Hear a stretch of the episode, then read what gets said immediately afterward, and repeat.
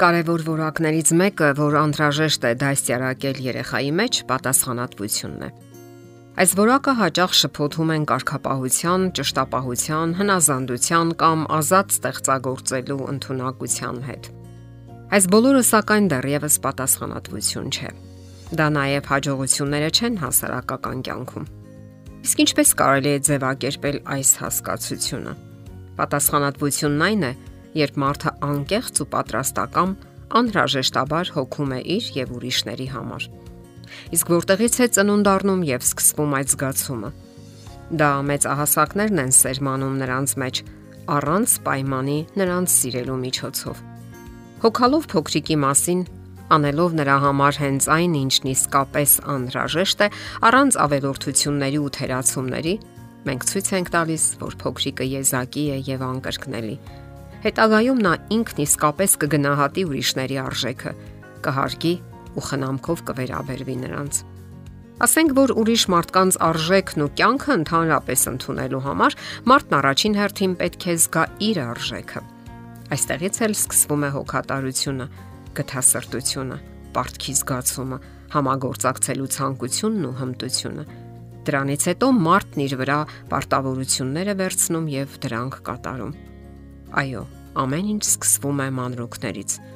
Դա կարող է լինել քնած պապիկի մոտով հանդարտ անցնելը, իր սենյակի կարգու կանոնը եւ այլն։ Սակայն այս բոլորի մեջ շատ կարեւոր են այն մղումները, որով առաջնորդվում է երեխան։ Ուրեմն, ինչպես դաստիարակել պատասխանատվության զգացում։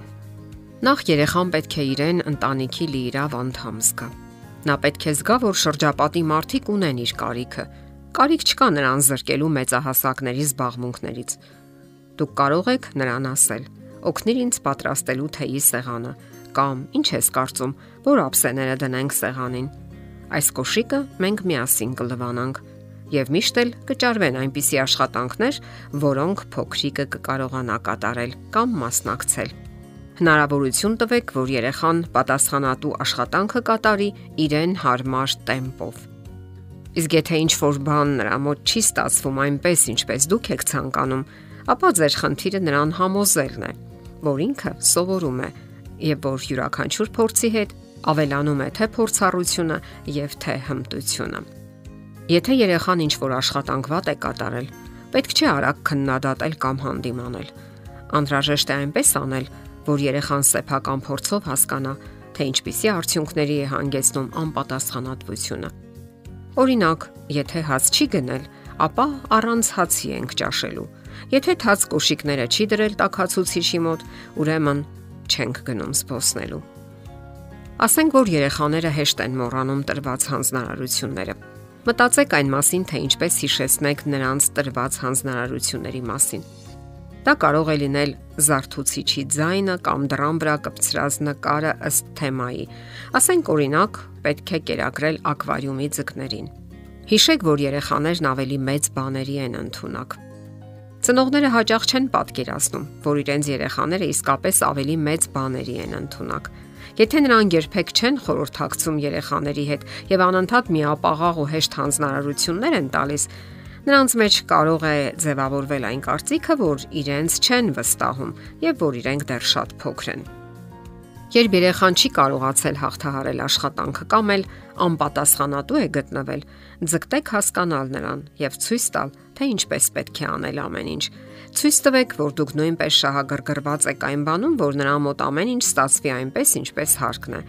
Հասկացրեք, որ հասկանում եք իրեն եւ հավատում եք նրա ուժերին։ Ձգտեք նաև այնպես անել, որ երեխայի մոտ թե ուրիշների եւ թե իր մասին հոգալը զուգակցվի դրական հույզերի հետ։ Եվ շատ ծնողներ վատ են վարվում, երբ քննադատում են կամ դիտողություններ անում, իսկ ահա խրախուսանքը չգիտես ինչու բացակայում է։ Ենթադրենք երեխան մանկապարտեզից տուն է բերել իր նկարած նկարը եւ նվիրել ծնողին։ Գեղեցիկ ձևավորեք այն եւ կախեք պատից Կամ երեկոյան թեյի ժամանակ կարող եք նշել, թե որքան խնամքով են ավերաբերվել իր քույրիկին, օրորել է նրան սայլակի մեջ։ Այսպես կոչված հետադարձ կապը շատ կարևոր է երեխայի համար։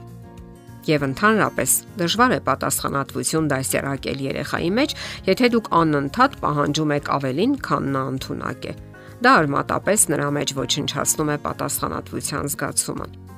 Եթե ասեն երեխան չի կարող երկար զբաղվել մի աշխատանքով, ապա բազմազան ու հետաքրքիր դարձրեք այն։ Կարող եք նաև շնորհակալություն հայտնել եւ նրան ուղարկել խաղալու։ Ասենք հանձնարարել եք կարգավորել սենյակը կամ իր անկյունը։ Հիշեք, որ կարգու կանոնը մեծահասակի պատկերացումներով մի բան է, երեխայի պատկերացումներով միանգամայն այլ բան։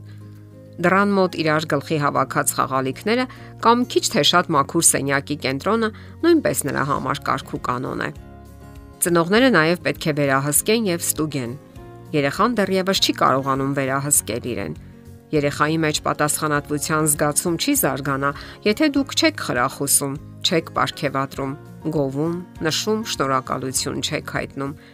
Հիշեք նաև, որ հարկավոր է խորհրդակցել երեխայի հետ։ Հակառակ դեպքում դուք կնմանվեք հրաման արցակող զինվորականի։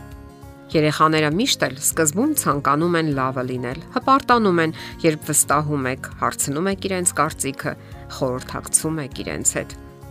Ուրեմն, անընդհատ մտածեք ձեր մտեցումների եւ օրինակի մասին։ Մի անտեսեք անznական օրինակը։ Դուք փոխանցում եք ձեր ողջ ներքին աշխարհը ոչ միայն բառերով։ Հիշեք, երեխաները սովորում են։